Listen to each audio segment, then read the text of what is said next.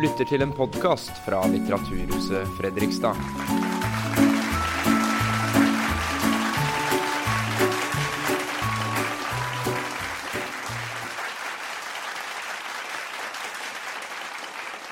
Jeg heter Wenche og er salgsansvarlig her på huset.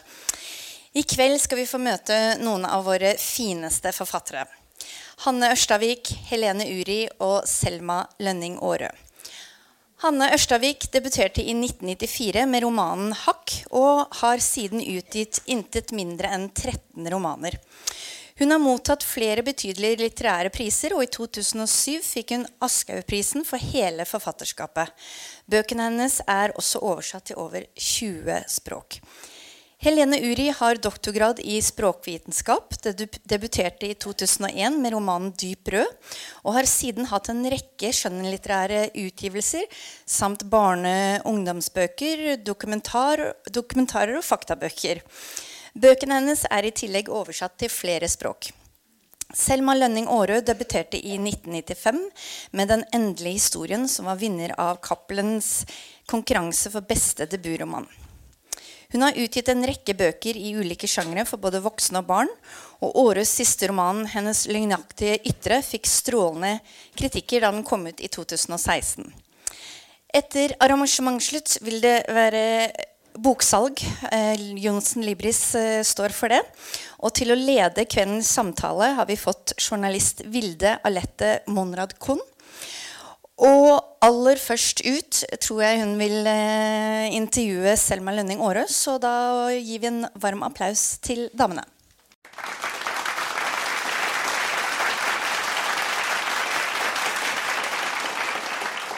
Eh, ja, eh, nå var det en liten eh, introduksjon. Tusen takk for det, og tusen takk for alle som har kommet.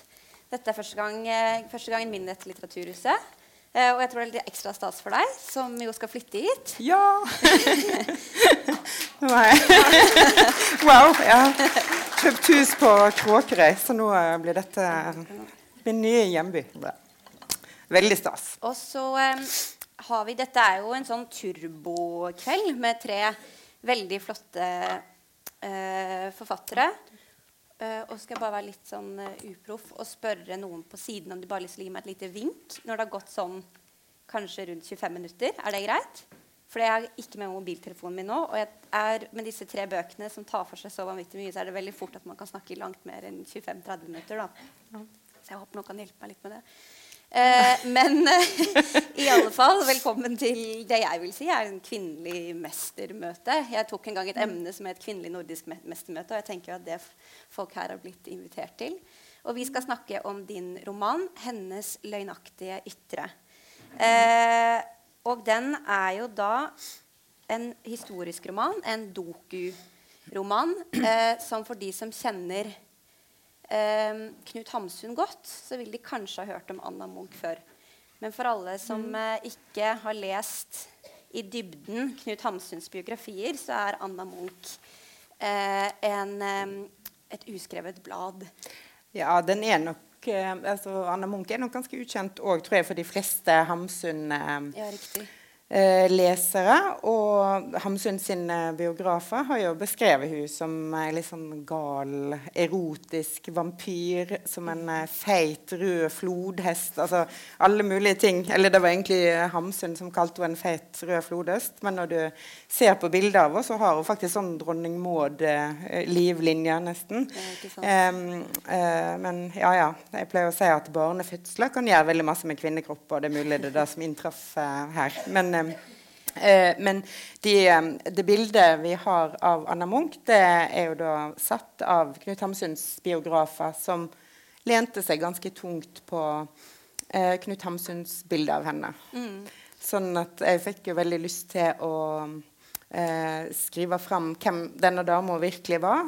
Og det er jo ikke sånn at en skal gå rundt og være veldig sånn sint på Hamsuns biografer, for i hans liv så skjedde det så utrolig masse. Dette er jo liksom ei lita sånn blindgate som, der hun på en måte blir ofra, da. Men en av de første tingene jeg på en måte beit meg fatt i, var dette her at hun var en sånn Eh, for det var faktisk sånn at hun ble anmeldt hun, altså Knut Hamsun anmeldte Anna Munch til politiet. Um, og det fanger jo min oppmerksomhet veldig at jeg allerede har hørt om det. At en veldig kjent mannlig forfatter anmelder en kvinnelig kollega til politiet. Det er jo egentlig en liten sensasjon.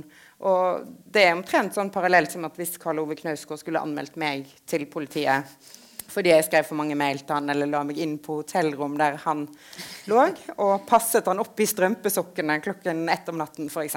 Så ville jo det vært en sånn litt, liten sensasjon. Og så vil jeg jo anta at veldig mange ville eh, tenkte at det var eh, Karl Ove Knausgård som hadde rett i det meste. fordi eh, hvorfor i all verden skulle han finne på at jeg fulgte etter han når jeg aldeles eh, hvis, ja. Ehm, så, så, dette interessert, det interesserte meg veldig. Og så ble jeg jo litt sånn nysgjerrig. Hva er det egentlig som har skjedd? Fordi historiene var så forskjellige. Eh, på en måte. Og så begynte jeg å nøste opp i dette her. Og så eh, kom jeg jo frem til at det hadde vært en ganske sånn gemyttlig begynnelse på denne relasjonen eh, mellom Anna Munch og Knut Hamsun, på en måte. Fordi eh, ja, Knut Hamsun han reiste i 1891, så hadde han, han hadde jo gitt ut 'Sult'. Han var jo liksom den store, nye forfatteren, men var ferdig med realismen og alle de der kjedelige tingene. Nå var det liksom menneskesinnet som skulle utforskes. Mm. Og han reiste jo da rundt. og så holdt foredrag, og agendaen hans var på en måte å rive ned eh, Ibsen og Bjørnson og disse fire store, Kielland og Lie, fra Parnasset og plassere seg sjøl der istedenfor som, som da representant for den nye sjelelitteraturen. Eh, og han inviterte jo da f.eks. Henrik Ibsen. Når han kom til Kristiania, så satt Henrik Ibsen på første rad, og så fikk han høre at litteraturen ikke var noe annet enn eh, dramatisert tremasse eh, og osv. Eh, og denne turneen kom òg til eh, Trondheim, der Anna Munch eh, bodde. Eh, og da vet vi bare fra brev og sånn at hun dro dit, og at hun hadde på seg en rød kjole, og at hun satt på tredje rad. Eh, og at hun ble helt sånn månebedutten, eh, som en sier i Bergen, av, av møtet med Knut Hamsun. At hun mm. tenkte at dette er, liksom, dette er min mann. Og, og, så gikk hun hjem og så skrev hun da sitt første brev til Knut Hamsun. Som, eh, og da kommer han dagen etterpå på visitt. Um, for det er sånn at Anna Munch tilhører et helt annet sosialt lag enn det eh, Knut Hamsun gjør. Sånn han hadde 252 eh, dager med skolegang. Mens eh, Anna Munch eh, hadde jo da tatt artium, som veldig få kvinner hadde. Og hun kommer jo da fra en sånn, ja, det nærmeste du kommer aristokratiet, for det er jo embetsmannsstanden. ikke sant? Så hun har en far som er den første helseministeren, eller medisinaldirektøren, i Norge. Og så har hun en mor som er født Bonnevie. det er jo hun er Jakob Aale, onkelen hennes. Og byfogd Ludvig Dahl, som kanskje mange kjenner her fra Fredrikstad. Eh, han var bror hennes, faktisk, med han som eh, drukna på Hankø. Eh, sånn at dette er en fornem familie. Og Anna Munch har på en måte det som ikke Hamsun har, dannelse osv. Og, og det er nok eh, Hamsun ganske tiltrukket av i utgangspunktet. Ikke nødvendigvis erotisk, men han trenger denne type kunnskap. Og han trenger å på en måte studere litt hvordan er det disse fine damene oppfører seg. og sånt. Så han er nok interessert i en viss kontakt. Men så er det jo klart at denne kontakten den blir et problem for Knut Hamsun. På et eller annet tidspunkt så blir den litt uønska. For Anna Munch hun, eh, hun er forresten gift på dette tidspunktet og har et lite barn og bor i Trondheim. Lille Signe som er åtte år. Som òg er på en måte fortelleren i boka. Og eh, etter at Knut Hamsun har vært i Trondheim og hun har møtt han, så bryter hun på en måte opp fra dette ekteskapet, som er alt annet enn fint. Eh, Anna Munch sier i sine brev at, eh, at han behandla henne brutalt, og han lå henne inne. Anna Munch hadde skrevet noen bøker før hun møtte denne mannen, som heter Munch. da, til et navn, var fetteren til Edvard Munch. Eh, han var militær og cand.mag. Og han eh, gikk på jobben sin på latinskolen, og da låste han inne alt som var til å skrive på. Penn og blekk, for at ikke hun skulle skrive bøker. Og så skrev hun da bøker likevel på pikens handlelepper, som hun sa. Så for Anna Munch så var det veldig veldig viktig å, å kunne skrive det. det sånn og vi skal snakke mer om henne, selvfølgelig. Hele denne samtalen kommer eh, i stor grad til å handle om, eh, om, henne. Men jeg tenker at det er fint at du tar oss litt inn i, i, selve kjernen av det hele og leser noe fra boka. Ja, det var litt sånn jeg hadde tenkt å lese. Det har jeg jo for så vidt sagt. For det er litt sånn fra når eh, Anna møter eh, Knut Hamsun i Trondheim på denne foredragsturneen. Men det sier litt om personligheten hennes, føler jeg, den der eh, obsessionen hun har for han da. Anna har lest referatene fra Knut Hamsun foredragsrekke i Kristiania om hvordan Ibsen har blitt kalt en dilettant, en satt på første rad, bare noen skritt fra talerstolen sammen med en ung pianistinne og i selskap med ekteparet Grieg. Han skuffer henne ikke, og enten folk er enige eller uenige med ham, så etterlater denne Knut Hamsun salen i en oppildnet stemning. Noen er fra seg av begeistring, andre syns det er noe nymotens tull. At han er en uforskammet oppkomling som umulig kan ha lært særlig mye latin, sånn som han uttaler ordene. Han anerkjenner verken Shakespeare, Sola eller Maupassant fullt ut. Og mot de fire store er han nådeløs, frakjenner Ibsen enhver litterær evne, men vedgår at Bjørnson kan ha sine øyeblikk. Anna har sittet helt stille og kjent hvordan ordene hans griper tak i nakkehårene hennes. Hun er nesten svimmel av undring og begeistring. Anna stopper ikke engang utenfor der folk samler seg i høyrøstede klynger. Hun går sporenstraks hjem og skriver et brev til Knut Hamsun. Det han tenker, har hun også tenkt, og mer enn én en gang har hun kjent viktigheten av hans litterære sjeleliv, av de dionysiske dimensjonene som også Nietzsche snakker om. Menneskene trenger denne nye litteraturen. Og selv har hun riktignok hatt stor glede av Ibsens skikkelser, men la gå, de virker gammeldagse og statiske nå. Han har ødelagt dem for henne. Fortsatt i ekstase før blekket har tørket, ber hun piken poste brevet. Det er det første brevet hun skriver i en slik sinnstilstand. Og ennå vet hun det ikke, men det skal bli flere. Så. Takk. Og det blir det jo, da. Ja. og denne um, sinns, sinnstilstanden til side eh, Hun er jo forfatter. Mm. Eh, I en tid hvor det um, absolutt var mange kvinnelige forfattere, men hvor det ikke sikkert var så enkelt å være kvinnelig forfatter likevel. da. Eh, vil du fortelle noe om det, hennes sånn, profesjonelle virke? Hvem var hun som forfatter? Ja, nei, eh, jeg tenker at hun var en veldig um, merkelig forfatter. Forut for sin tid. Eh, I små øyeblikk ganske genial og moderne, og i andre øyeblikk eh, skikkelig teit.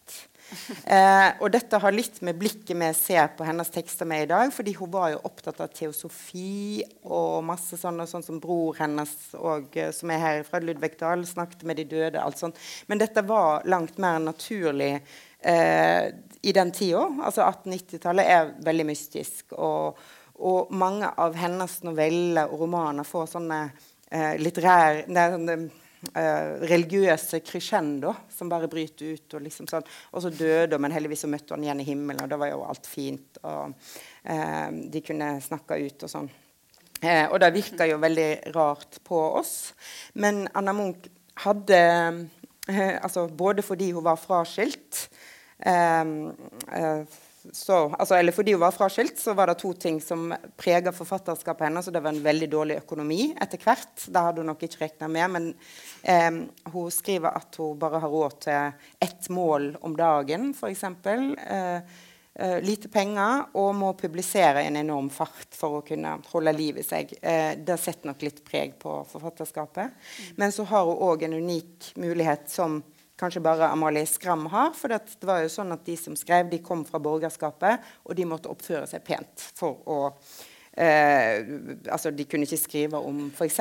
som Amalie Skram, som skriver forrådt, og som er, skriver om denne 16-åringen som går i seng med en eh, sånn ubehøvla skipper som hun ikke elsker, som har masse prostituerte osv., og, så videre, og som kan skildre det. Da kan ikke Helene Dickmar og disse andre samtidige borgerfruene som har tilgang til penn og papir. på en måte da. Sånn at hun har den muligheten, og den bruker hun til veldig masse rare ting. Eh, og hun reiser rundt med sin Altså når hun, eh, når hun, endelig Dette her med Hamsun, som blir en stor sak når det er lagt bak seg, da, og Hamsun på en måte tilgir henne, så, så gifter hun seg med en, 15 år yngre homofil forfatter eh, som heter Sigurd Mathisen fra Larvik. Og de reiser rundt eh, gjennom Europa og har et helt sånn Det er et fornuftsekteskap, det er et arbeidsfellesskap. Eh, og hun skildrer dette på en veldig sånn artig måte i en bok som heter 'Verdens herre'. Da. Der, denne, for det hun hele tida eh, snakker om, er at erotikken er på en måte det som står i veien for at menn og kvinner kan ha en relasjon. Hun vil erotikken til livs. Hun er helt, ifølge sine egne uttalelser helt uinteressert i erotikk. Og det er nok ikke helt sant, for hun er liksom snydens forelska i Knut Hamsun. Men hun klarer liksom å, å få det vri det inn til at det er noe åndelig. da. Men det er åpenbart eh, at det dunker både her og der. Um, men at hun hun, hun, klarer liksom å rasjonalisere dette her. Og denne tittelen som jeg har på boka, som er 'Hennes løgnaktige ytre', det, det er noe hun sier liksom at det, det, er mitt løgnaktige ytre som, som, på en måte da at hun uttrykker en uh, erotisk uh, ting som hun slett ikke utstråler noe erotisk som hun slett ikke egentlig har. Og det er problemet. da. Det er det som hele tiden, dette løgnaktige ytre som får henne i, i trøbbel gang på gang. Fordi hun ja. ja, for hun er jo en slags uh, Nora Helmer i en tid som kanskje egentlig ikke er helt um, moden for henne, ironisk nok. da. Jeg er i alle mm. fall ganske um, Sånn som jeg opplever det, uh, fortsatt ganske radikalt å være skilt kvinne da, og vanskelig mm, på den veldig. tiden, selvfølgelig. Um, er hun en feminist, eller hva slags feminist Nei, er hun? I, eh, er det? det? er det som er så kjemperart. Hun har jo en enorm forakt for f.eks. For bohemen. Mm. Eh, for eh, Dagny Juel og alle disse frie kvinnene. Og hennes debutroman den handler jo om eh, en far som har tre døtre. Derav en av disse går hen og blir gravid med en bohem. Og han stiller selvfølgelig ikke opp, for han er jo bare søppel. Men den som stiller opp eh, for å redde denne Bergljot som er på tjukken, det er jo da um, en prestestudent som tilbyr seg å ta på seg farskapet. Og så sier Bergljot nei og drar alene til USA. Og dette er faktisk første gang i norsk litteratur at det kommer en mann og tilbyr seg eh, å redde ei dame, og denne dama sier nei og drar. Og det er jo litt kult. Så i, i prinsippet så er hun en feminist, men hun har òg en slags kontakt og en slags respekt med disse damene i Nylende, som eh, du jo har studert, jeg vet ikke om, men første sånn feministiske tidsskriftet. Eh, og de er jo på en måte, Hun har en slags dialog med dem, men hun er ikke helt enig med dem, og de er ikke helt enig med hun. Mm. Eh, så hun er noe helt for seg sjøl. Hun har liksom en sånn egen, hun har òg en bok der kjønnet er på en måte oppløst. og eh, det er nesten, som nesten er litt sånn hen-aktig. Um, ikke sant? Fordi På den tiden så var det jo Gina Krog og de typer ja. feministene som det var jo matrakate, og ikke liksom eh, ja, to mennesker, f.eks. Det var jo eh, Ja, nei, og, og, nettopp eh, Gina Krog har jo en ganske sånn respektfull og god korrespondanse med, men de er ikke helt enige. da. Mm. Og, og, Anna Munch er absolutt ikke noe sånn eh, feminist, ville hun sagt. Men hun eh, Og det tror jeg òg er litt sånn av grunnen til at bøkene hennes aldri har fått sånn veldig vind i seilet òg. For at hun tilhører ikke noen sånn stor gruppe eller bevegelse. Hun er helt alene. da. Mm. Det er noe veldig rart. Så nå, nå var jeg jo så et uh, teaterstykke om uh, Kalli Monrad, som under krigen var uh, sjef, teatersjef på Den nasjonale scene. Og hun har skrevet en roman som var helt sånn pling-plong i bøtta, som kan minne av liksom, om Anna Munch når hun er på sitt sykeste. Men Kali Monrad var jo heller aldri helt sånn var ikke psykisk stabil, men hun var ikke klin gal heller. Men det er et eller annet med at det ligger i tid. Og det. Og jeg tenkte sånn, De var nok paralleller på en eller annen måte. da. Og en sånn voldsom sjøltillit òg, eh, som en kan ja, mm. kjenne igjen. Eh, det går igjen i romanen at eh, Anna må skrive. Mm. Eh, Signe, datteren, som også er en viktig fortellerstemme i denne romanen, hun sier jo det at um, at det var jo skrivingen som skapte problemer for henne. Og det var jo mm. også skrivingen som gjorde at hun egentlig ikke hadde en mor til syvende og sist. Um, og ektemannen forbyr henne jo å skrive. Er, han ser på det som en mm. kjempetrussel at hun, at hun er forfatter. Hvorfor må hun skrive? Nei, altså, det vet en jo ikke, men hun beskriver det som en fysisk eh, smerte. At det liksom strammer seg trykket i hodet. Og det kan rett og slett um, Jeg har snakket om Anna Munch, og der var det en sånn hjerneforsker som mente at dette kunne være en sjelden form for epilepsi. Som bl.a. Dostojevskij lei av. Som var sånn at anfallet består i at du må skrive. Mm. For hun, er det sånn, hun setter virkelig så masse på spill for å få ei kvinne da, å forlate barnet sitt. Og da sier jo denne mannen at du får aldri se eh, denne ungen skal bo hos meg, han skal ikke bo hos deg. Og, og hun blir da på en måte overlatt til et sånt omflakkende liv i eh, Europa. Og du kan se på brevene hennes hele tida hvordan det er hvordan det står til økonomisk. Av og til er det flotte brevpapir. Av og til er det sånne handlelapper, sånne krøllete ting som hun har tigga til seg en eller annen plass. Og skriver til, til uh, Signe. Men det er på en måte da, det er denne dattera Signe som blir forlatt til fordel for kunsten og Knut Hamsun, som på en måte da eh, eh, forteller historien om sin mor. Mm. Mm. Fortell det du sier i et i kjempefint etterord. Um, at historien fant ikke formen sin før du eh, fant ut hva slags skjebne som eh, Signe hadde hatt. da, du fant ut eh, lese om hennes historie. Ja, altså det var jo litt sånn uh, ironisk nok at jeg var på et møte med datter til Kasi Kullmann Five, som snakket om sin mor, og, og, med en sånn blanding av stolthet og litt sånn at hun var jo ofra litt sånn på denne kvinnesakens alter, og de andre hadde mødre som bakte boller og var hjemme, og hun var ute og fløy og snakket om kvinnesaker. Mm.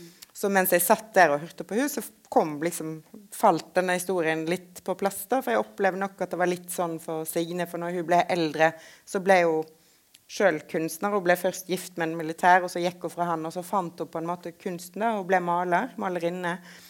Eh, og jeg innbiller meg at hun på sine eldre dager forsto mer av det sviket som For på samme måte som det er vanskelig å være eh, enslig kvinne, så er det nok like vanskelig å være et forlatt barn da, eh, på den tida der eh, ingen andre er skilsmissebarn og, og sånn. Så, men, men, da kom liksom bare den stemma, da. For det er et eller annet med å eh, Jeg drev og leste og leste meg opp på, på, dette stoffet og alt som er rundt 1890-tallet, og alt om Hamsun og alt sånt. Men jeg, klarte liksom ikke å komme i gang med skriving, og jeg fant ikke språk, et språk for fortellingen. Eh, og så var det egentlig mannen min da, som faktisk tok alt som var å lese på. Han tok eh, alle 1890-tallsbiografiene og sånn fra meg, og så sa at nå må du begynne å skrive. Så det var veldig motsatt eh, av det mm, Anne Munch opplevde. Men det, det er sånn at eh, 1890-tallet i Norge er jo en fantastisk tid. Altså, Norge er ikke engang en egen nasjon, men her har du liksom verdens største. Altså, du har Edvard Munch, og du har Knut Hamsun, du har hatt Ibsen. Eh, det er jo egentlig av en eller annen merkelig grunn en kunstnerisk metropol der verdens nyheter blir laga og skapt. Og det gir jo 1890-tallet til, til, noe helt fantastisk. Da. Sånn at en kan jo liksom svømme ned i det stoffet og aldri, aldri komme opp igjen. Uh. Ja, for fortell, dette her er jo Sånn som jeg leser det, så kunne det kunne jo vært en uh, biografi, men så er det en roman. Så da jeg tenker jeg at det er en, en del ting som du har fylt ut selv. Å oh ja, det er veldig masse. Fordi, både fordi Anna Munch er jo altså, glemt. Hun tapte nok ganske masse anseelse i offentligheten og sånn i denne her feiden med Hamsun. For det er klart at han går ut i avisen, han saksøker, og hun mister venner, hun mister journalister som anmelder bøkene hennes. Så hun, de brevene som er igjen etterpå, det er i veldig stor grad tiggerbrev. Liksom, 'Kan du anmelde boka mi? Kan jeg få to kroner?' faktisk.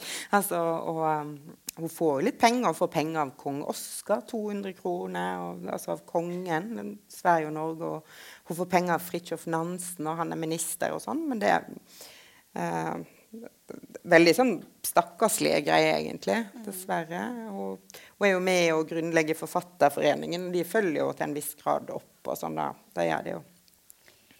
Men fortell for de som ikke har lest boka, da. Hvor langt går dette med Hamsun?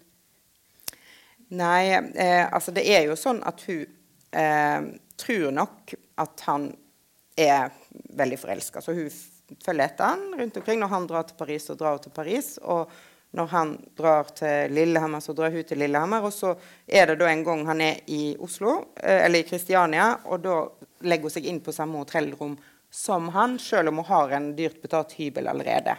Så legger hun seg liksom inn der.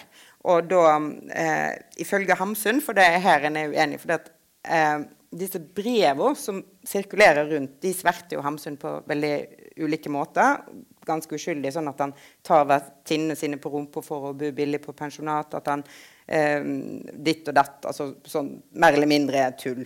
Men Hamsun tar dette veldig alvorlig, for han vet ikke hvem som har skrevet det, og er veldig på vakt. Og hun kompenserer da for dette med å skrive en roman eh, om sin rolle i denne saken, der hun på en måte renvasker seg sjøl. Og så sier hun at hun, hun gir seg sjøl ganske liten i denne romanen. Og så sier hun at dette er mitt forsvar mot disse brevene. Hvorfor skulle jeg gi meg sjøl til en sånn tulling og legge mine kort så til de grader på bordet? Eh, og I denne romanen så er det da dette møtet på hotellrommet. Der Hos henne så blir det et kyss, og det blir litt flott, og sånn, og så, så, så bare neste dag så kommer han ikke. Eh, og hun avviser han etter dette kysset, for hun sier at hvis det er sånn at han vil begynne et liv med meg, så har vi god tid til å gjøre det. Men så kommer han aldri igjen. Mens eh, Hamsun skriver jo da at eh, hun har løyet det sted i sin bok. Hun passet meg opp klokken ett om natten. Hun sto i strømpesokkene over jeg har måttet lide for dette fruetimmers skyld. Hun ser ut som en rød, fet flodhest. Eh, skriver han, så han avviser dette her. Og det er på en måte ord mot ord, da. Men eh, eh, Hamsun er jo heller ikke spesielt etterrettelig. Det er en ting en lærer når en leser alle Hamsuns brev, at han er en luring, han òg. Så det ja, kan eh. Men eh, hvorfor tror du på henne, da?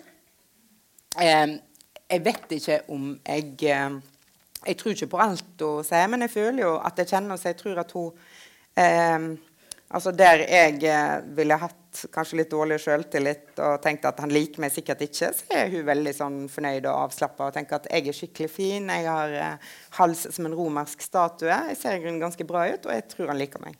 Eh, og han var jo en flørt, og det Hamsun på en måte opplever det som psykologene mener kommer fra at han eh, ble forlatt av mor si ganske tidlig, og sånn dette har jeg forska masse på stort, det er denne her, at han må ha folk veldig tett på seg, og så får han helt angst, og da driver han de fra seg igjen. Men når de da er langt nok vekke, så begynner han å nøste de inn igjen, for han er avhengig av deres beundring og deres eh, nærvær.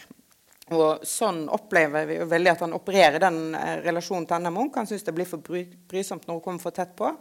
Så da avviser han henne skarpt, og så haler han innpå igjen. Og så blir de jo venner. Han, han, tror jo da at han, hun ikke står bak disse brevene. Uh, uh, og så blir de venner igjen, og så er det telegram og sånn, og la oss organisere oss, og det er arbeid i Forfatterforeningen og sånn. Men så, i 1936, så for disse brevene er, liksom, er så viktige for Hamsun. Da. Han er besatt av dette her. Uh, så han leverer disse brevene til verdens uh, uh, beste skriftekspert. Og problemet til Hamsun med disse brevene er jo at politiet uheldigvis konkluderer med at han har skrevet dem sjøl. Og det er jo derfor Hamsun blir så besatt av dem. De tror fordi at Hamsun skrev bok om mysteriet, der denne Nagel sender telegram til seg sjøl eh, og om sladder, sånn at det skal spre seg rundt, så tror de faktisk, eller de konkluderer, og dette bringer jo på en måte virkelighetslitteraturen til litt nye høyder, da, at politiet går inn og ser og tenker aha, her er det dette som har skjedd. Kriminalsak løst. Fordi, eh, og, og da, dette gjør at Hamsun er helt hysterisk. Da, så han bruker jo veldig masse penger så sent som i 1936 for å få klarhet i dette en gang for alle. Og denne eh, mister Godard, som er det kalt for Frankrikes Sherlock Holmes, han leste disse brevene, som var ganske mange. Det fins 60 av dem på Riksarkivet ennå, men det var mange, mange flere. Eh, og de er helt sånn kjempedetaljerte. Sånn, hvis Hamsun har vært i teateret, så har han plukket opp et lommetørkle, og da vet denne anonyme brevskriveren dette dagen etterpå. Det er sånn veldig detaljert og dekkende. Og det rare var at uh, dette hadde pågått delvis i en periode der Anna Munch hadde vært i København. Og dette gjorde det veldig vanskelig for politiet å forstå at det var mulig at hun kunne ha skrevet det. Men denne uh, uh, skrifteksperten han konkluderer jo altså forholdsvis entydig, egentlig. samtidig som ja, dette, dette får en jo aldri vite helt. Mm. Jeg, tror skal, jeg, tror vi skal, la det være siste ord. Ja, det er liksom kjapt og gæli. Ja, nei, nei, jeg syns dette var veldig koselig, jeg, du. Ja. Jeg kommer nok igjen her, jeg, da, sier jeg skal komme hver dag. Nei. Ja, Tusen hjertelig takk.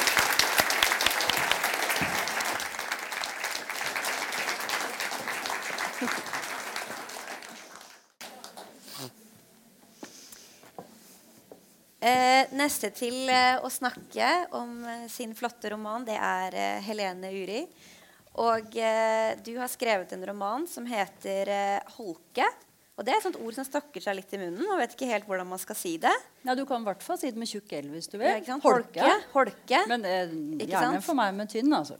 Men, eh, og det er en roman som ikke er blodfersk. Du har vært her to ganger før og snakket om den. Ja, jeg tror faktisk det. Eh, men tematikken den går ikke ut på dato. Den gjør den kanskje aldri. Fordi at eh, romanen din den handler om ekteskapet mellom Ebba og Carl. Et ekteskap som har stormet lenge. Eh, og slik uvær, glattis eller brutal vinter er summen av en rekke eh, små til sammen fæle naturfenomener, så er jo også stormen etter forholdet veldig sammensatt. Eh, ufrivillig så blir dette eh, ekteparet, som er eh, eh, helt sånn i, Hvis ikke innspurten av livet, så, så absolutt gamle. Eh, 70 og nesten 80 år. Eh, de blir eh, sperret inn i leiligheten sin av den enkle grunn at Oslo kommune ikke har råd til å, til å strø på glattisen. Ja. Eh, og et Det er en virkelighetsroman, begynner. dette ja, her ikke også. Sant? Det kan vi kjenne oss igjen i fra denne vinteren iallfall. Uh, jeg tenker at vi begynner rett in medias res, at du leser noe. Men aller først så vil jeg at du beskriver dette ekteskapet. Hvem er Ebba pluss Carl til sammen? Oh, ja. De har vært gift i 46 år. De møtte hverandre som unge da de begge var studenter på lærerskolen. Da var de kjempeforelsket. Og Ebba ville ha Carl, og Ebba fikk Carl. Um, og så er det vel sånn som alle andre ekteskap at det har eh, Det har jo forandret seg ganske mye i løpet av de Når man har gift, vært gift så lenge, så er det veldig mye som forandrer seg med maktforhold og med domener og med vaner og uvaner. Eh, så det er jo et ekteskap som La oss begynne med de positive sidene. Så er jo dette et eh, ektepar som er veldig glad i fortelling og i språk. Så de, de har jo veldig stor glede av å begynne en, De står, kan stå og se, se ut av vinduet, særlig nå når de er innesperret en uh, hel liten uke. Så står de og ser ut av vinduet, og så begynner en av dem med en fortelling, og så fortsetter den andre. Og dette skjønner vi at dette har de gjort i alle år. Dette er en, en lek de har. Eh, ellers så har jeg gitt dem et eh, de, de har det veldig bra i senga, rett og slett. Selv om de er i 70-årene begge to. Eh, det hadde jeg lyst til å gi dem. Og, eh, og så er det jo mye sånn gnisninger. Eh, de kjenner hverandre ut og inn, og derfor så vet jo hele tiden Ebba hva Carl skal si. Ikke sant? Altså, han behøver ikke Vi vet faktisk ikke engang som eh, lesere om han sier det, eller om det er bare Ebba som antar at nei, nå sier han dette her med sånn biler på tomgang, eller noen skulle ikke hatt barn, eller eh, ikke sant? Han, Hun vet at åh, nå, kommer han til å, nå kommer han til å si det. Eh, men samtidig så kjenner de hverandre så godt at det er en sånn bitte liten scene. Jeg skal bare fortelle en, så skal jeg lese etterpå. Hvor eh, Carl Ebba står foran kjøkkenvinduet, ser ut på et fuglebrett som eh, Carl har montert der. Eh, I likhet med meg så har nemlig Carl og Ebba blitt veldig glad i å se på småfuglene. Særlig Carl. da. Og så eh, står nå Ebba der, og hun tenker på noe helt annet enn disse eh, småfuglene. Hun står faktisk og tenker på deres bryllupsreise da de var studenter. Hun giftet seg i sånn lang, tynn indisk eh, bomullskjole. Noen blomstrete. Som hun knyttet opp på, hoft, eh, på den ene hoften, og så syklet de inn i Nordmarka. og Så bodde de i telt og våknet om morgenen og fyrte opp, tente bål og stekte egg og bacon og sånn. Så dette står hun og tenker på. Og så kommer Carl, og så begynner han med en sånn derre Uh, utlegning om forskjellen på mm, han og hunnblåmeis eller et eller annet sånt. Og det er noe med tykkelsen på stripen, og er litt sånn åh. Og så sier han, men jeg vet hva du står og tenker på. Du står og tenker på bryllupsreisen vår. Og det gjør hun. ikke sant? Sånn at de, de kjenner hverandre så godt, på godt og vondt. da. Uh, men uh, denne scenen her, der er de um, oppe på loftet. De har eh, gått opp eh, på loftet. Det er vel, vi må vel nesten si at Ebba nærmest har lurt Carl til å gi henne lov til å gå opp på loftet. Vi må snakke litt mer om dette maktforholdet mellom dem. Uh, hennes uh, unnskyldning er at hun skal hente et garnnøste. bare tull, hun har ikke noe bruk for dette garnnøstet, men hun holder på å gå på veggene inn i den leiligheten, så hun må bare komme seg ut. Så nå står de oppe på, oppe på dette loftet. De har uh, kranglet. De er jo innestengt. Det er ganske klaustrofobisk. Dette er jo en sånn ordentlig klassisk eh, kammer, et kammerspill. Ikke sant? De er innestengt, er disse to her. Eh, og nå er de oppe på, oppe på loftet, og de ser, later som, eller hun later som om hun ser etter disse garnnøstene. Men hun finner da noe annet. Verken hun eller Carl sier noe. Ebba fryser skikkelig, huden nupper seg, og hun må konsentrere seg for ikke å hakke tenner. Hun plukker glassene varsomt ut, setter dem ved siden av hverandre. Hendene hennes skjelver. Stetten på det ene glasset er røket. Det ble knust, delte seg i to, og rødvinen fløt utover teppet. Hun uh, husker det godt. Men nå er stetten hel, og hun ser en smal krave av lim, som om noen har klemt de to delene hardt mot hverandre, og det overskytende limet har tytt ut. Jeg hev dem, sier hun til slutt, i søppelbøtten. Og du gjorde det, sier Carl. Han ler litt sjenert.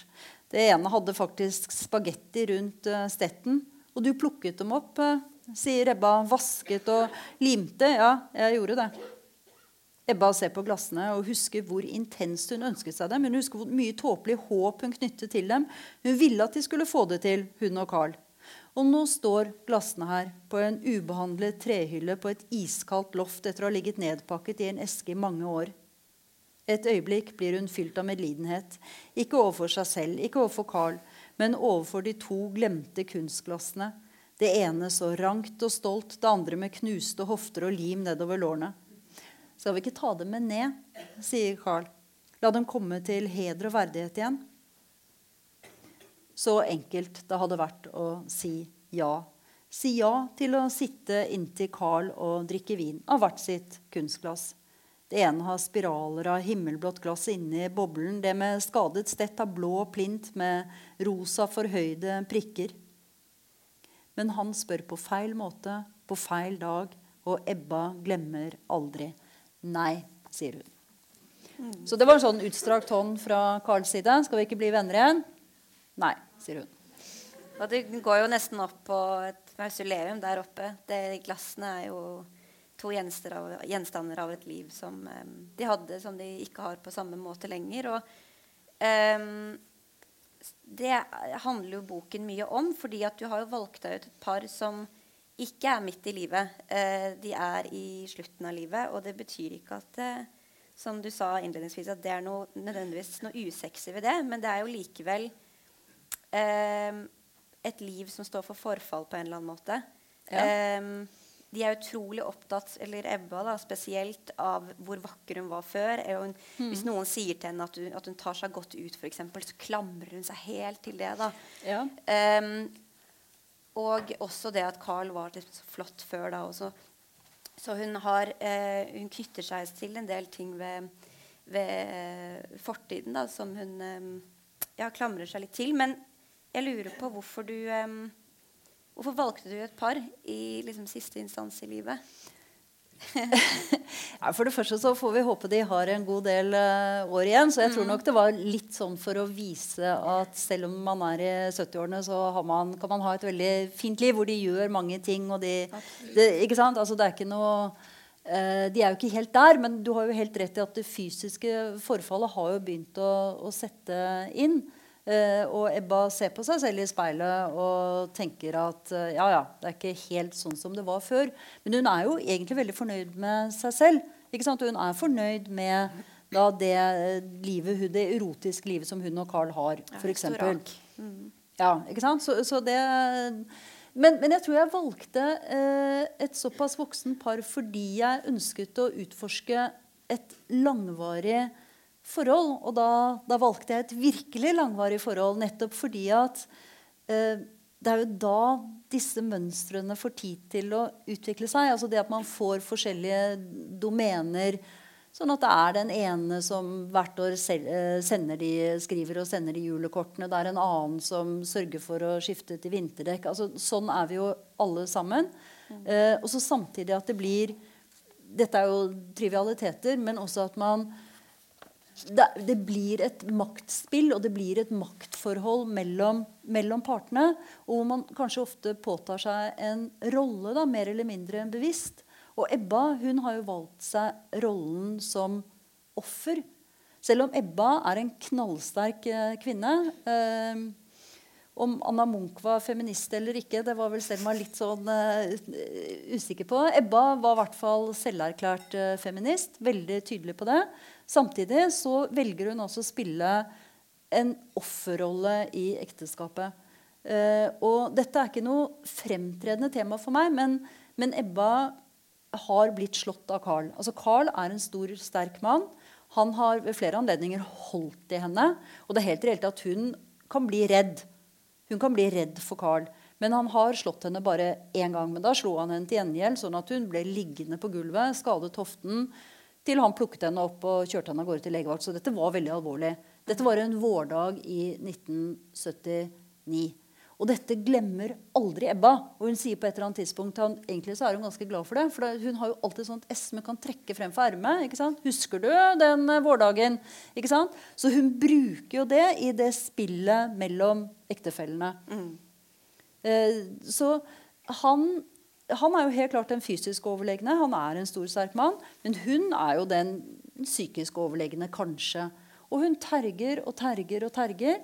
Og har jo opprettholder en sånn maktbalanse der da, ved å hele tiden liksom få han utpå. Og så Husker du det du gjorde den gangen? Så de, det er jo et sånn eh, Ja, Hun ruser seg nok også litt på den pushen pulle eh, som hun får fra han. da. Og som hun selv Hun vet jo akkurat hvilke knapper. Hun vet akkurat hvor hun skal trykke, hun vet akkurat uh, når hun skal stoppe. Ikke sant? Mm. Mm. Men uh, denne rollefordelingen er jo noe kjønnstypisk. For du har uh, Carl, som blir kalt for Carl den store, ikke sant? uh, og er eh, fysisk eh, overlegen og har liksom, makten i forholdet. Og den vil hun nok sikkert at han skal ha på et eller annet vis. Og så er hun eh, for det meste offeret. Hvorfor um... Men det er jo et selvvalgt uh, mm. offer. Og det er jo et, uh, dette er jo en roman som er befolket av veldig få personer. Det er Carl og Ebba det dreier seg om stort sett. Ja. Og så er det en nabo som ringer på. Uh, og så har de en sønn som er plassert i Australia. for sikkerhets skyld. Og så har de en datter som er på sydenferie akkurat nå. Den datteren ringer jo eh, ved en anledning. Og det er jo en sånn korreksjon inn i dette her nokså usunne forholdet mellom Carl og Ebba. For da, da sier Ebba at ja, nei, altså det, vi har jo begynner å gå utover maten. og vi har spist opp alt vi har i kjøleskapet. Og Carl, vi kan jo ikke gå ut. ikke sant? Vi er innestengt i leiligheten, og det er bare islagte fortau utenfor, så vi kommer ingen steder. Og så sier datteren ja, men eh, kan du ikke bare bestille noe mat, da? eh, nei, sier Ebba, det kan jeg ikke, for det vil ikke pappa. Du vet hvordan pappa er. Og så fortsetter datteren. Hæ? Nei, kan du ikke bare gjøre det? Du er jo bare gjør det. Du kan jo bare ta opp telefonen. Nei, det vil ikke sant? Så hun vil ikke.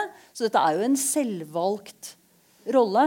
Og det du gjør der, da begynner man å eh, Og det er flere ting, da. Eh, ikke bare det, men der sår du litt tvil da, om Ebba som protagonist. Fordi at, ja. Og det er jo også et tema i boka. Hvis ikke tema, så er det noe du behandler veldig godt. At som leser man vil veldig gjerne bli utfordret og underholdt. Men man ganske blindt eh, aksepterer at protagonisten er eh, pålitelig og autoritær. Ja. Um, og det er veldig ofte når jeg har snakket med forfattere, så er det liksom hvorfor akseptere liksom, denne sannheten? ikke sant? Fordi forfattere kan være så vanvittig inni den karakteren. ikke sant?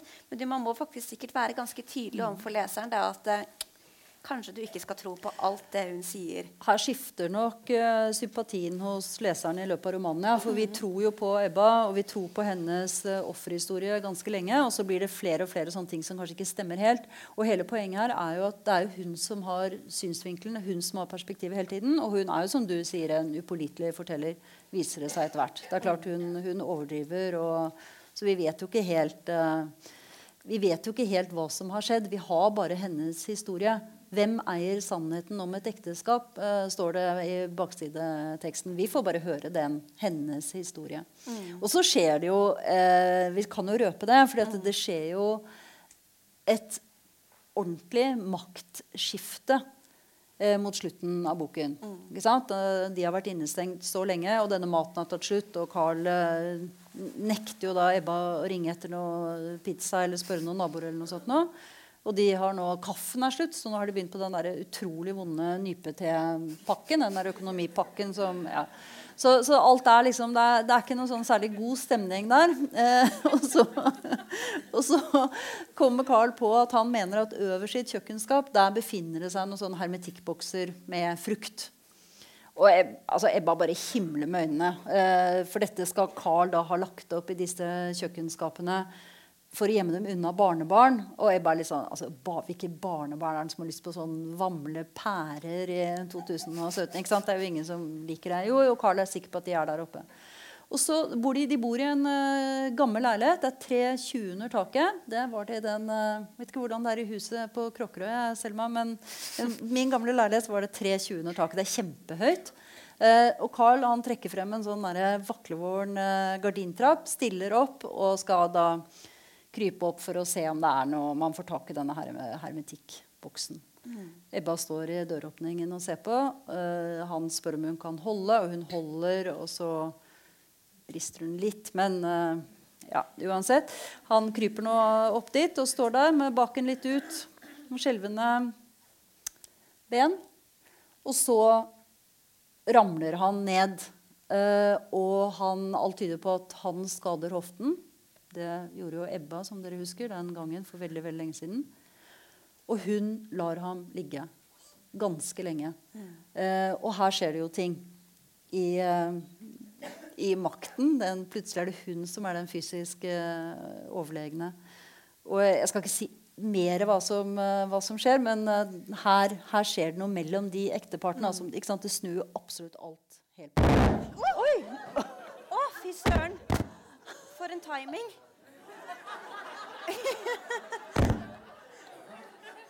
Var det meg? er det meg? Er det den som falt? Nå følte jeg liksom at det oh, det, det, var det mest Carl, spennende punktet vi var på nå. Altså. Carl blir myrdet. liksom. Jeg syns også det er fint å, å, holde det litt sånn hengende. Um, fordi at det er jo et eller annet du liksom nøster ved dette uh, med det upålitelige. Så du tenker det at uh, at det kommer til å komme for en dag ting kommer til å snu litt. Grann, mm. um, men så er det jo en del ting ved henne som jeg syns er, er, veldig interessant. Da. Og det er blant annet Og det er kanskje litt fordi at jeg hadde um, Selma, jeg hadde lest uh, Selma sin bok, og så leste jeg din rett etterpå. Så da var jeg liksom veldig inne i 1890 og så skal jeg inn i samtiden.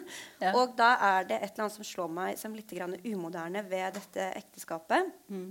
Fordi eh, Og det blir også påpekt i boka. Eh, fordi at eh, Ebba har ved mange tilfeller lyst til å dra. Mm. Hun eh, er utro. Mm. Eh, og hun planlegger Hun er utro den ene gangen, og det er jo mm. foranledningen til det slaget. Ja. Sånn. ja. Absolutt. Eh, og hun har lyst til å dra. Hun planlegger å dra. Ja. Eh, Carl har lyst på en svær familie. Han mm. er en typisk høvding i familien som har lyst på en svær ungeflokk. Eh, og istedenfor å ta den samtalen om at eh, 'jeg har ikke lyst til å være med mm. deg', så faker hun at de skal lage et barn i åtte år, og går da på p-piller. Som om prevensjonsmidler skulle vært det mest tabubelagte i samfunnet. Men det er ikke det, men det er det i denne ekteskapsinstitusjonen. da. Og så går hun jo aldri. Mm. Eh, og gir heller da Eller hun eh, gir ikke en svær familieflokk, men hun blir gravid til slutt, da, og det blir en utvidet familie. Mm. Eh, jeg vet ikke om umoderne er riktig, fordi at eh, å dra fra noen du elsker, er eh, vanskelig uansett om det er 1890 eller 2018. Ja. Men likevel så Noe litt lettere kanskje 2018, ja. Um, jeg, har, jeg, tror jeg har uh, to svar på det. Det ene er at jeg tror jeg er uenig i at det er et gammeldags uh, eller umoderne ekteskap. fordi mm.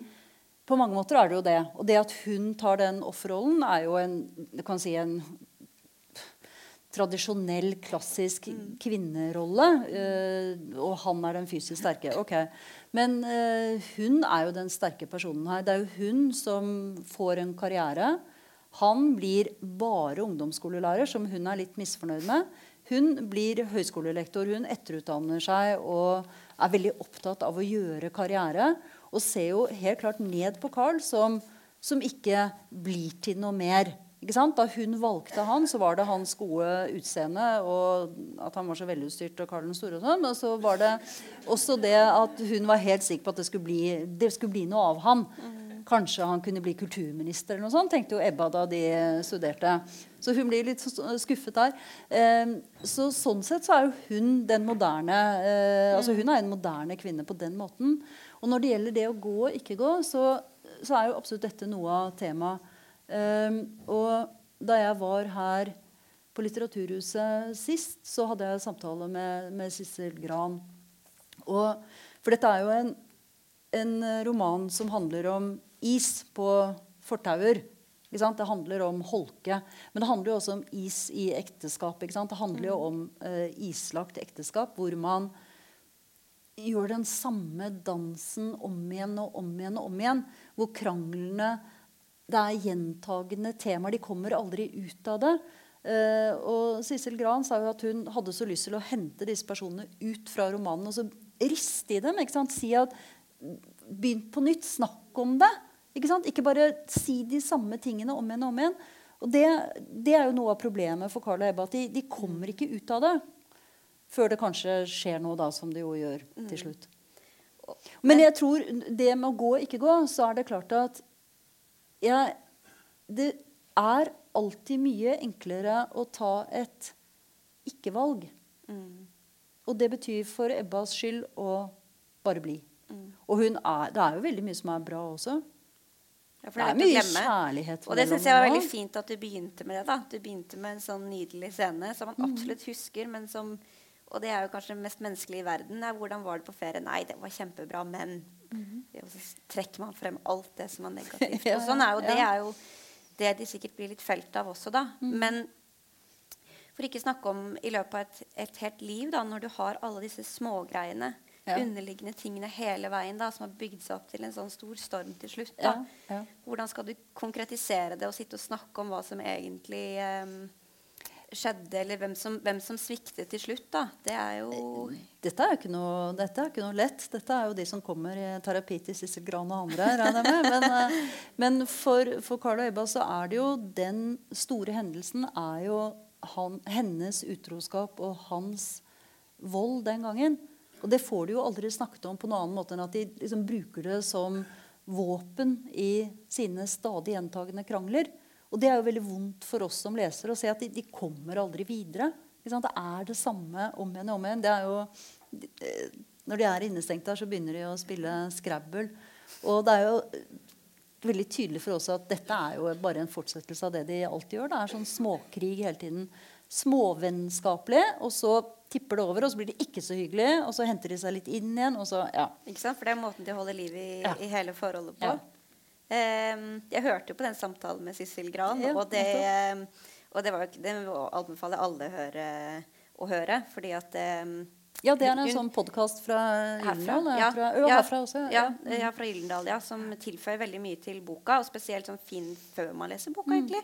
Uh, men eh, hun slår opp ordet seniorsex, ja. som jeg eh, lo av når jeg hørte det. og som hun syns er så forfriskende at du, at du gir disse et sexliv. Og det var også noe jeg liksom noterte meg fort. ikke sant? At det, eh, til tross for alle problemene de har, så har det liksom bra under dyna. Mm. Eh, hvorfor, hvorfor, var det viktig å skrive inn? Kanskje fordi jeg, det er så kort tid til jeg er der selv. Så det er litt sånn eh, Fordi jeg er helt sikker på at det er sånn, og fordi ja. det er så lett å tenke Eller altså at det kan være sånn. Ehm, og da og jeg hadde jo lyst til å ha noe som bandt Carlo og Ebba sammen. Jeg må jo ha noe som gjør at Ebba faktisk ikke går.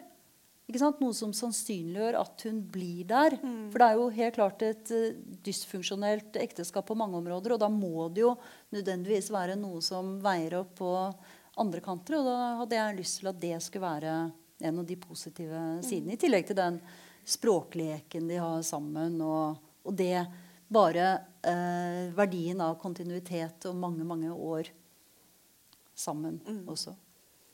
Jeg tror det er fin, eh, eh, fint avsluttende ord. Vi begynner positivt og slutter positivt. Og så får boka stå imellom. Tusen hjertelig takk.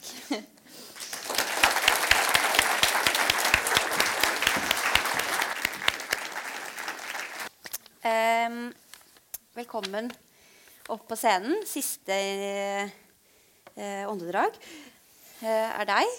Og det er en, eh, en munnfull av en roman du har skrevet som alltid. Utrolig mye å snakke om på em, kort tid. Sånn at em, Jeg tenker at vi begynner sånn som med de to andre, at du leser. Em, dette er jo en bok som føyer seg inn i ditt forfatterskap. Du jobber jo alltid innenfor de samme temaene, og du behandler noe av det som du eh, tenker på som en av våre viktigste identitetsmarkører, som er jo da seksualiteten.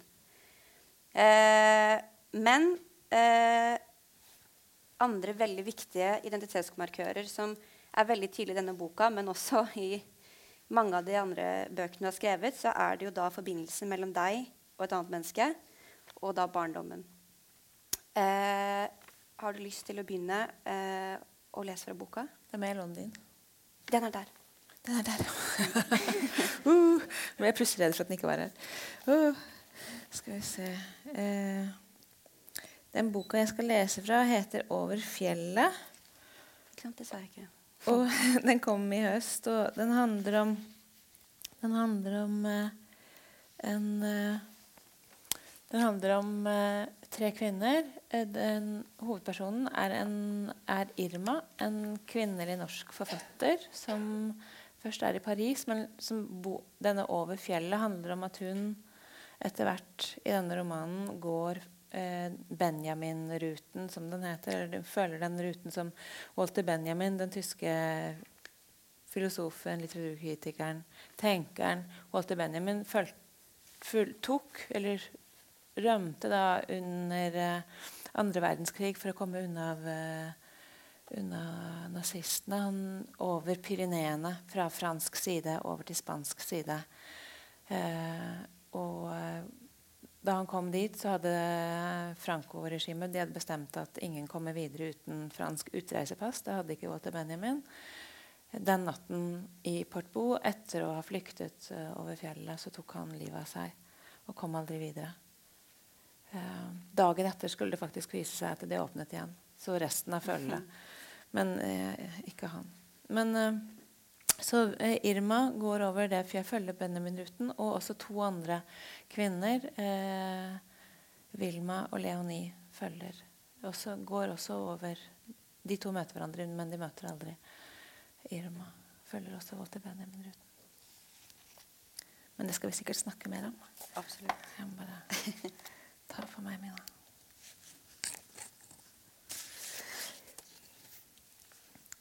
Hun jenta jeg kan huske å se, hun som gikk hjem de tre holdeplassene opp til Slemdal istedenfor å ta trikken. For da kunne jeg For da kunne jeg bruke den kronen som billetten kostet, til å kjøpe en sjokolade i stedet. Hobby eller banan. Eller helst, hvis jeg sparte et par turer og gikk flere ganger, hadde jeg nok til en Snickers, og den tok jeg med meg ned på rommet mitt og lukket døra og spiste, og det måtte ingen se. Hun var alltid alene, og nå tenker jeg at jeg vil sitte der i trappa når hun kommer hjem til den smale toetasjes leiligheten der vi bodde. Sitte inne i trappa og se på henne når hun kommer. Og jeg prøver å bli kjent med jenta i disse bildene, men jeg vet ikke noe om henne. Og hver gang jeg spør henne hva hun vil, eller tenker eller har lyst til, så kommer hun bare og setter seg ved siden av meg, og så sitter vi der stille sammen uten å si noen ting. Som den gangen hunden hadde fått valper, engelsksetteren, seks eller syv, og de bodde der nede midt i trappa på avsatsen ved inngangen med pappesker eller hva det var pappa hadde satt opp rundt som vegger, og var myke og tullete og runde. Og jeg sitter der og venter på henne og lurer på hva hun vil si, men, men også da, den dagen, setter hun seg bare ved siden av meg uten å si noe. Det var ei jente i klassen som skulle bli med hjem og se valpene, men det passet aldri for henne. Og da hun endelig kunne, så var valpene blitt store og bortplasserte, og da ville hun ikke være med likevel. Også den dagen sitter jeg i trappa når hun kommer hjem. Og så sitter vi der. Og jeg tenker at det skal gå. Jeg tenker at det skal gå med småjentene. Sakte. Jeg vil vente på dem. Jeg vil at de skal leve i meg. Jeg vet at det er de som vet om alt jeg lengter etter å få tilgang til. Gleden, alt tulleriet. Men hva med hun som er større? Hun som er 11, 13, hun som er småfeit og har langt hår som ingen klipper i tuppene, som bare vokser og vokser og henger, og som er klær som bare er klær, som det ikke er noe å gjøre med. Lyseblå kordfløyelsbukser med legg og hvit og lyseblå stripete boblevest. På et bilde holder hun et flagg. Det er 17. mai. Det ligger snø i veikanten som er det slagg og rester og like skitten forakt i meg for henne, som i den snøen som enda ligger i gropene der i Finnmark i 1982 vi flyttet opp igjen fra Oslo da mamma var ferdig med utdannelsen. Jeg vil ikke at hun skal være meg. Jeg vet ikke hva jeg skal gjøre med henne. Hun er det mest uformelige jeg vet om. Hun er den største jenta i klassen. Jeg fikk mensen da jeg var elleve. Hun var diger og uferdig og flink i alt, og står der på bildet ved siden av de bare bjørkestammene, og har ikke kraft i armene til å gå bort og klemme henne. Hun som er på vei over i å bli det som er å være kvinne i kroppen, står der med hodet på skakke. Hvem er det som tar det bildet den gangen? Som er det ingen der i den andre enden. Det er en sånn avstand i det overalt. Hun valpefleskjenta som ser sånn ut som jeg mest av alt i verden ikke ville. Ingen er hun.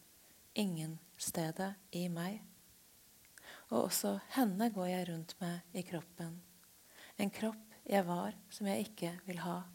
En jente jeg var som jeg ikke kan nå, og som jeg forakter. Tusen takk. Ehm, denne boka den handler jo mye om å finne tilbake til begynnelsen. Eh, til barnet du egentlig har lagt til side og beveget deg vekk fra. Ja, jeg vet ikke helt om jeg er helt med på å si du eller jeg. Eller, det er jo Irma. Irma, Men, ja, absolutt med deg som ja, om forfatter, ja, da. Ja. ja. det er Opp, var det meg nå? Igjen, var det deg? Sikkert. Det er underliggende her. Jeg trekker ingen slutt eller ingen uh, rette linjer mellom uh, nei, nei, forfatterne og, og deg. Men, ja, men, ja. det, er ikke så farlig for meg om, det, om, du tenker at det er meg, men, men, for meg er det viktig at det er fortelleren i boka fordi jeg har trengt at det ikke er ikke meg sant? når jeg har skrevet boka, for å kunne skrive boka. Mm. For å kunne se det på avstand. Det er sikkert et eller annet 'tenk du' da når jeg sier du, men, ja. men bare... til barnet som Irma har lagt uh, til side og beveget seg vekk fra. da. Um, og tidlig i boka så står det jo det at uh, det er en veldig uh, gøy scene hvor hun drar um, eh, på et foredrag med en sånn flott mann som skal snakke om eh, Og nå har jeg glemt hva eh, Om William Reich. Ja, William ja. Reich. Eh, og det er veldig mye gøy i den scenen. Men det jeg skal si akkurat nå, er det at det står en veldig fin setning, som er det at for hun blir veldig tiltrukket av denne mannen. Og så står det det at eh, Men det hjalp jo ikke med 16 utdannelser rundt seg som et gjerde hvis den lille gutten og den store mannen aldri møttes. Og det går gjennom, da, gjennom hele romanen. akkurat det. Og det handler jo om han, men det er jo likevel Irma sitt blikk da, på um, denne avstanden da, i ja. han. Um, eller iallfall den avstanden hun føler til han, da, at hun kanskje aldri kommer til å komme så nær på han fordi at han ikke er nær det lille barnet inni seg. Og uh, i denne boka så er jo barndommen, eller det å finne tilbake til barnet, uløselig knyttet med det å elske. Eller det å, å klare å elske noen. Um, det er prosjektet til Irma. Så jeg lurer på um, Hvorfor tegner du denne forbindelsen? Hvorfor kommer barndommen så nær i denne romanen? Ja, Det er derfor jeg ba deg finne de, disse to. Fordi jeg tenker at, disse tre, jeg tenker at disse tre, de siste tre romanene mine henger sammen i en mm. sånn undersøkelse av en, både seksualitet, men, men, først og fremst seksualiteten koblet til kjærligheten. i hvilken grad, Og det er det jeg skriver om Over fjellet. Og det er det Irma spør seg om når hun er på dette foredraget med denne, eh, med denne tyske, mm. tyske, akademikeren med 16 terapiutdannelser. Eh, eh, så spør, fordi hun er så nysgjerrig, og så spør hun seg fordi han snakker om orgasmens funksjon hos Wilhelm Reich, som jo Wilhelm Reich jobbet med på 30-tallet. Som var liksom funksjon, liksom, Hva heter det for noe? Der han mm, og positivismens liksom, alder liksom, Alt skulle være målbart og veldig sånn, vitenskapelig.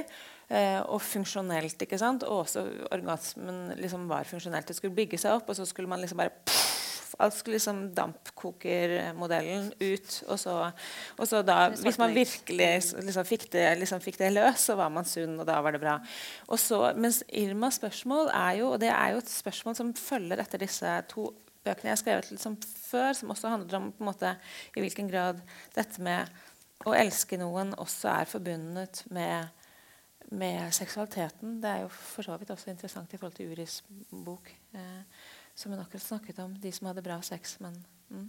men, eh, men, i forhold til dette med liksom, hvor, hun, hvor Irma da gjerne vil spørre han Kan man, kan man liksom kan det bli fantastisk med hvem som helst. Den utløsningen, Er det på en måte bare biologisk-fysisk, eller har det også med en eller annen type forbindelse å gjøre, med kjærlighet å gjøre? Jeg tenker at det, Er ikke dette et spørsmål vi stadig spør oss da? Jeg tenker at I vår, i vår tid, hvor, liksom, hvor, Eros på en eller annen måte er, blitt totalt seksualisifisert, og, og, kjærligheten på en eller annen måte er litt sånn løshund i krokene så tenker jeg liksom, noe, ja, så Hun lurer i hvert fall veldig på det, og han, og han, svarer Han bare avspiser henne med et sånt moralistisk svar, så, som er også er veldig tvetydig. Han, så, det ikke, så hun får egentlig aldri svar på det spørsmålet sitt av han. Men det er et spørsmål som, ligger, som ligger, ligger under i hele den romanen. Og jeg er og, og disse tre romanene tenker jeg også utforsker jeg tenker liksom at Bordeaux, Det finnes en stor plass i Bordeaux som er den første av dem. utforsker dette med, dette med liksom å møte noen kjærlighetsmøte, forelskelsen, og liksom også den lysten eh, som, eh, som også eh, Selma Lønning Aare snakket om, Anna Munch, som jo Hun ville jo mer med, med Hamsun enn bare å skrive brev, liksom. så, og, det, sånn, øh, og, det, vil jo Den jeg elsker, vil jeg elske med, sier hovedpersonen her. Men, men her er i hvert fall dette håpet i kjærlighetsmøtet. Og så på terrassen i mørket, som handler om kjærlighetssorgen, da, når det ikke lenger var mulig, er hovedpersonen min er antropolog som reiser til Malaga for å tilby seg selv som eskortedame for å undersøke og for å reparere seg. Men liksom, hele tiden dette med liksom kjærligheten og seksualiteten. mens Begge disse to foregår i en relasjon, men i Over fjellet så er det ingen, så er ikke min hovedperson i, et, i en kjærlighetsrelasjon. Jeg tenkte liksom, jeg ville utforske på en måte hvordan jobber vi med kjærligheten når vi er alene. Mm. Og jeg tenker at liksom, og, og, da, og, da, ble det veldig Det begynner jo også liksom, barndommen er til stede i best, begge de to foregående bøkene også. Jeg tenker at Den lille jentas kjærlighetsforhold har jo alltid med forholdet til pappa å gjøre. Og gutten, mamma liksom, vi, er jo, vi, er jo, der, på en måte. Og, og, men ikke minst så tror jeg det har så innmari mye å gjøre med sånn og Det er så lett å latterliggjøre. Men jeg husker liksom, da jeg vokste opp, så hadde vi sånn tjukk, tjukk bok i stua sånn 'Elsk deg selv 1 og 2'. sånn, øh, øh, men, eh, men hvis Og så, så, Irma i den romanen her jobber jo veldig med å nærme seg seg selv som barn, og, å se seg selv som barn, og, å orke å se seg selv som barn. Og, øh, og jeg har skrevet den, og parallelt med det så, så jeg øh, så gjorde jeg selv, så jobbet jeg selv med det samme. Og jeg, for å være helt ærlig, så er det, liksom, det, er den, det er den tøffeste prosessen jeg noen gang har vært igjennom. For jeg, tenker, jeg tror at er det noe vi veldig, veldig, veldig vil forskyve eller fortrenge, så er det den for jeg, fordi jeg tror vi har internalisert den forakten, den forakten vi hadde for oss selv som barn, kommer jo et eller annet sted ifra. Og hvordan skal du på en måte gå inn der mm. og, og, og på en eller annen måte For hvis ikke jeg tenker hvis, hvis, vi går rundt med disse barnejegene i oss selv, som jeg tror blir aktivert mye oftere enn vi egentlig er klar over Men Jeg tror de blir aktivert nesten alltid når vi blir emosjonelt på en måte berørt av noe, så tror jeg de barnejegene våre blir aktivert. Og, og, og, hvis de er noe du ikke tåler å være i berøring med fordi det gjør så innmari vondt, så er det veldig mye i deg selv du ikke kan slippe noen nær, for du kan ikke være nær det selv engang. Og i hvilken grad kan, kan du da liksom våge å være nær et annet menneske. Eh, så jeg tenker at det er et stort og dypt kjærlighetsarbeid. Så tenker liksom sånn Whitney Houston som synger liksom 'Learning to love yourself is the greatest love of all'. Og hun døde alene på et hotellrom. liksom.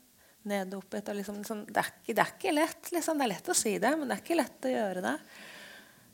Og jeg syns jo det du begynte med, men som også dette, hele dette handler om, da, at hun sitter der på denne, dette foredraget, og så har hun spørsmål som tenker jeg, jeg lurer sånn på dette. ikke sant?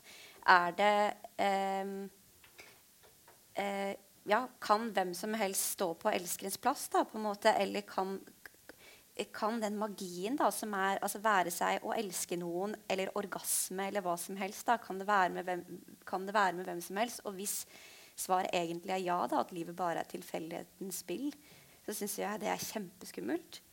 Altså da, jeg blir, jeg blir liksom vettskremt av det, da, og det gjør kanskje hun også. da, at um, um, det er noe, Man føler seg veldig lite spesiell egentlig som, et menneske. og Um, det spørsmålet En annen roman som jeg er veldig glad i, som ikke har noen ting med det du har skrevet, men som uh, jeg egentlig siterte nå, det er en dansk uh, ung uh, forfatter som heter Olga Ravn.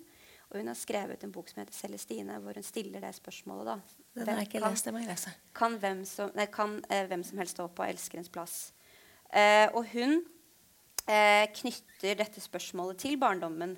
Og fordi at hun er et skilsmissebarn, hun, eh, har, hun er helt rotløs. Eh, hun har levd i en familiekonstellasjon hvor det er skyggefamilier. Det er folk som blir byttet ut hele tiden. Uh, og hun er helt livredd for å være ensom. da. Uh, så hun bytter ut relasjoner hele, hele, tiden. Men det er på en måte bare en, en, kropp noen å klamre seg til da, fordi at hun er så livredd for å være alene. Og så innser hun jo på en måte det, da, at um, um, det, det, kan være hvem som helst. Og det gjør henne så vanvittig ensom. Og det er jo kanskje det denne hovedpersonen ikke vil. For hun er jo alene, og så har hun jo inderlig lyst til å oppleve det å faktisk elske noen som elsker henne tilbake. Mm. Um, og Tom Egil Verven, han eh, sa det når han skrev bl.a. om din roman 'Kjærlighet'. Eh, og en rekke andre romaner på eh, slutten av 90-tallet og begynnelsen av 2000 som heter 'Å lete etter familie', 'Lese etter familie', hvor han skrev om familie og barndom i eh, ny norsk samtidslitteratur. Så skrev han bl.a. det at ironien, da, å bruke ironien er en språklig måte å overleve hjemløsheten på. Da. Mm. Den tør jo aldri, den helgarderer seg, den tør aldri å forplikte seg.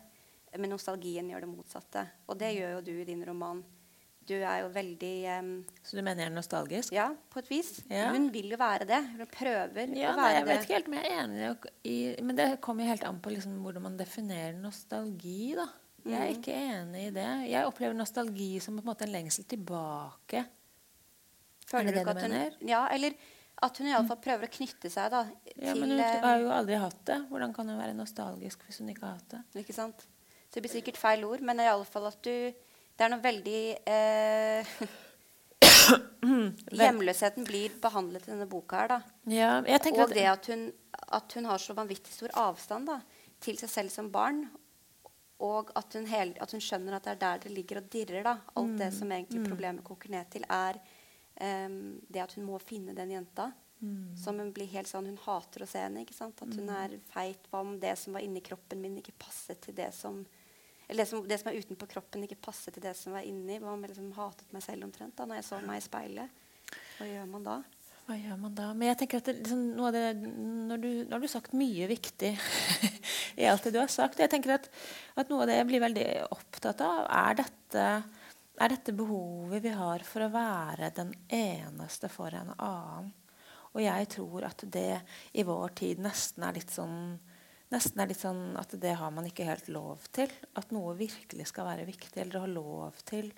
Og, og jeg, men jeg tror at kjærligheten og jeg tenker liksom Den første kjærligheten, jeg tenker liksom morskjærligheten, er liksom noe av det Og at hvert barn er unikt for, for en annen. Og det å få være unik for en annen tror jeg liksom er helt, helt i grunnen av, av av eh, Jeg tror vi er helt nødt til å virkelig kjenne det for å, for å våge å gi oss hen. Mm. Og, da, liksom, og da, det hadde vært veldig gøy å få svar på disse reistingene.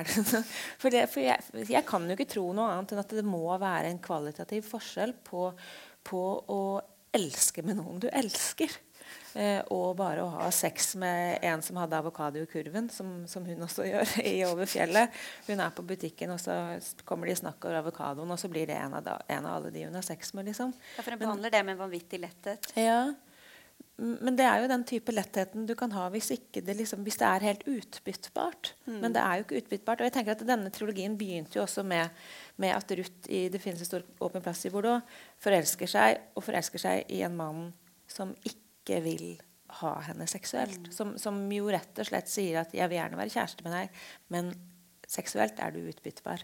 Sånn, jeg, ikke, egentlig, jeg, tenner egentlig ikke engang på deg, mm. for jeg er plutselig seksuelt uh, plut, Et impulsivt, sånn, plutselig seksuelt uh, pornografisk begjær, uh, hvor hun da ikke tar del. Og, og, og det liksom sett, og det på en måte river jo liksom, det river jo river ting, river ting helt i stykker. Men jeg tenker at det er jo litt sånn Det er jo litt uh, ut tidstypisk å si det, men jeg tror det. At det er en behov for å være helt den eneste for en annen. Ja, Er det det? Utidstypisk? Jeg vet ikke.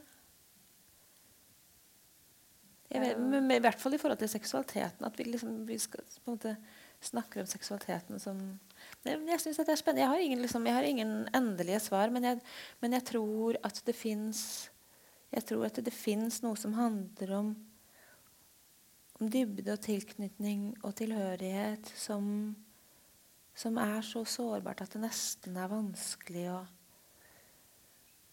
å få tak i også i oss selv, fordi, fordi vi blir så innmari sårbare der. Mm. Mm. Men jeg, jeg, må si at det, ikke tenke jeg, jeg tenker vel at også Irma i min roman lengter etter det. Nå finner jeg sikkert ikke det punktet hvor jeg tenker at jeg, at jeg kunne lese. kommer sikkert ikke til å finne det, så du må bare snakke, så kan jeg bla litt. Fordi at, apropos um, tidstypiske ting da, og seksualitet, så um, har du blitt kalt for en slags sånn radikal stemme i, i, vår generasjon. da. At du uh, um, Det sa jo Susanne Brøgger sist på Litteraturhuset, og det tror jeg ikke er, sist, eller, uh, er første gang du har hørt, fordi at du adresserer seksualiteten som om det er et eller annet skjult, spesielt i siste roman. At hun, hun, eh, hun har jo ikke sett på seg selv eh, nedentil engang. Det er noe som er veldig mystisk og skjult, og det ligger, er masse skam forbundet med det. Og så blir veien inn for å åpne seg selv opp ganske bokstavelig gjennom åpningen, da, eller selve fitta. Og eh, du eh, er så vanvittig direkte i det. da. Eh, du, når, når, du først har gått inn i det som handler om seksualitet, kropp, sex, så blottlegger du alt. Um, som hopper mot deg som leser. ikke sant? Som sikkert er det som, gjør, som, er det som ja. gjør, at man blir kalt for uh, radikalt. da. Men hvorfor uh, tror Irma så inderlig på det at det er veien gjennom vulva som gjør at hun kommer til å bli kjent med seg selv. Fordi hun drar til en sånn tantra, tantrasenter hvor det er en eh, dame som heter Barbara, som eh, jo da skal uh, få henne til å bli kjent med seg selv på en måte som hun aldri har blitt kjent med seg selv på. da. Ja. Hvorfor har hun så inderlig tro på at det er gjennom denne tantra gnukkingen, da? At hun skal eh, bli kjent med seg selv? ja, jeg vet ikke om hun har Men jeg tenker at jeg, jeg og romanen åpner med, åpner med, at Irma går til, går til Barbara på dette, på det, Yoni-mapping, som det heter. da. Yoni er liksom fitta. Sånn fittekartlegging. I to timer er hun med Barbara og holder på med det. Og romanen åpner der. Og, og, og Barbara, Barbara, kommer da med bl.a. en sånn, en sånn eh, frottédukke sånn, sånn håndholdt frottédukke som er fitta. da, og forklarer henne, og så er det bare de to. Så sitter hun og forklarer henne og, og viser henne liksom, kjønnsorganet. Og jeg syns jo dette er kjempeinteressant og spennende. fordi at hvem, liksom, Vi har jo alle lest disse bøkene om å se på seg selv nedentil. og så jeg må si at jeg blir veldig fascinert hver gang jeg er i sånne kunstbøker og ser liksom sånne masse nakne damer og ser hvor forskjellige de er. Og vi er veldig vant til å se at, at, menn har ulike, at menn har ulike kuker, liksom, men at damer er så forskjellige. Det er, liksom, det er vi ikke vant til å se. fordi vi er ikke vant til å se de kvinnelige kjønnsorganene. Så jeg tenker at disse tingene er jo kjempeinteressante.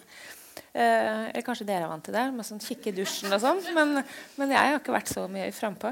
Men, eh, men, eh, men, men, sånn at, men jeg, tenker at, at, at, jeg tenker at Irma er opptatt av å gå gjennom kroppen fordi hun har jo tenkt og tenkt og tenkt. Jeg tenker at Har, har du tenkt og tenkt og lest og lest? Og liksom, til slutt så er det sånn Ja, men hva skal jeg gjøre nå?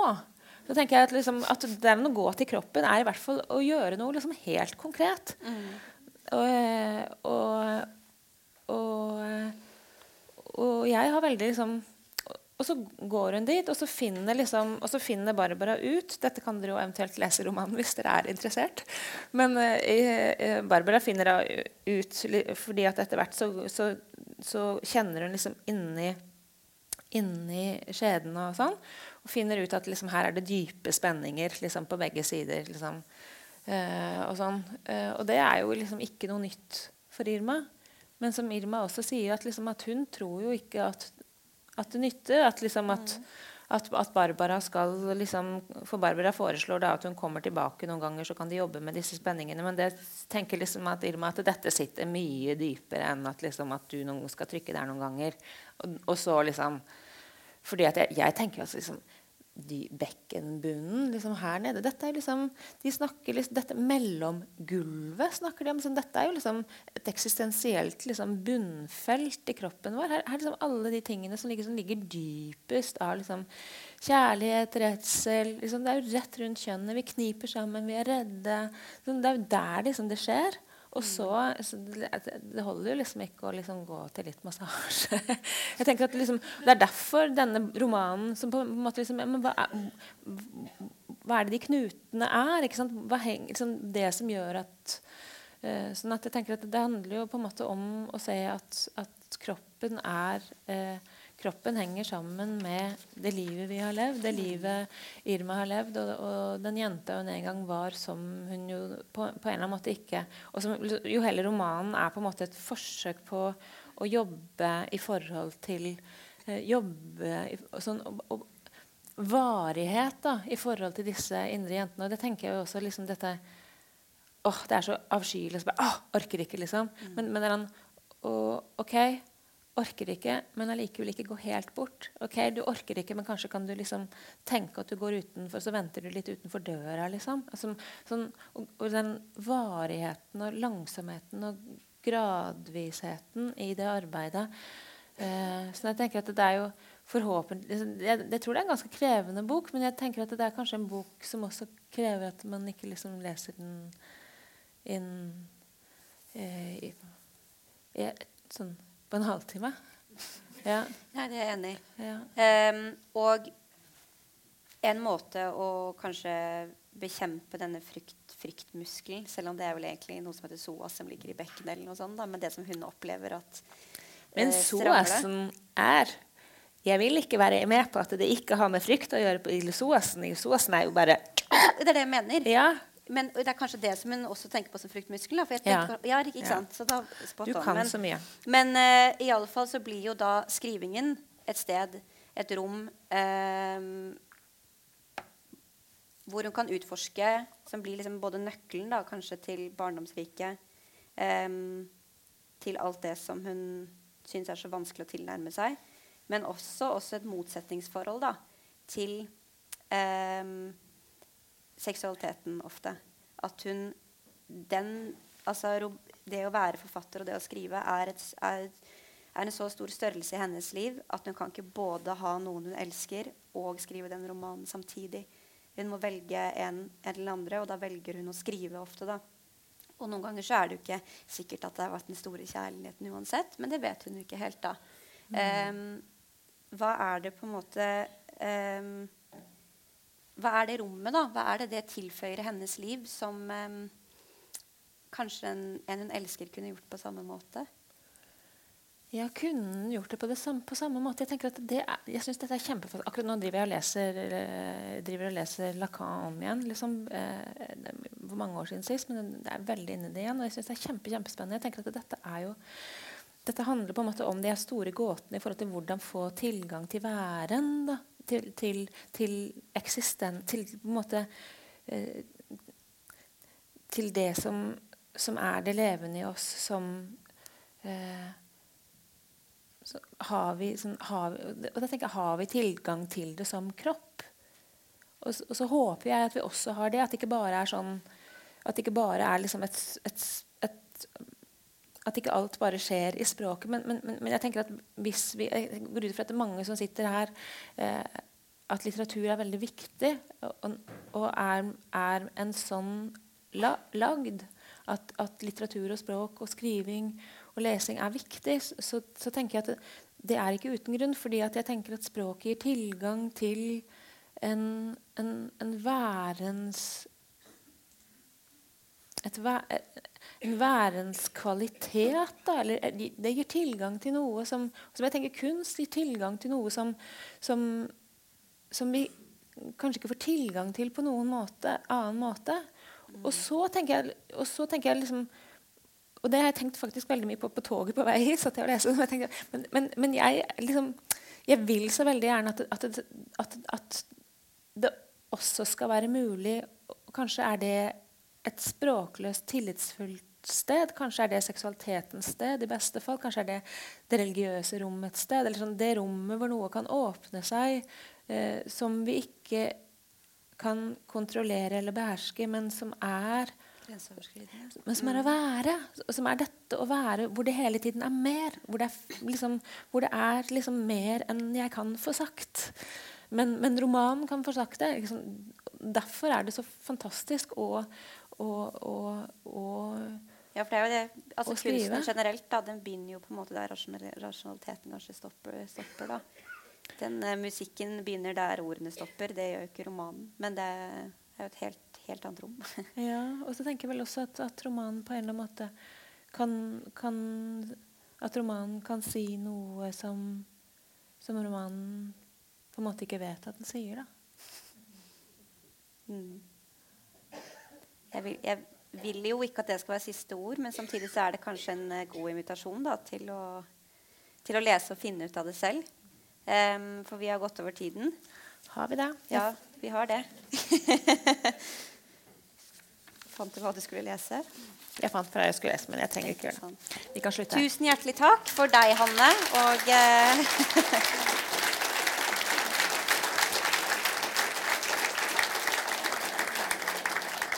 Og alle som kom. Jeg håper at disse små samtalene har gjort at dere har lyst til å lese alle bøkene. De griper jo fatt det å være kvinne i livet på tre vidt forskjellige måter. Men så snakker de jo likevel litt sammen eh, likevel. De, kan selge, eller de kan kjøpes ute, så det håper jeg at folk gjør. Takk for at dere kom. Takk til Vilde.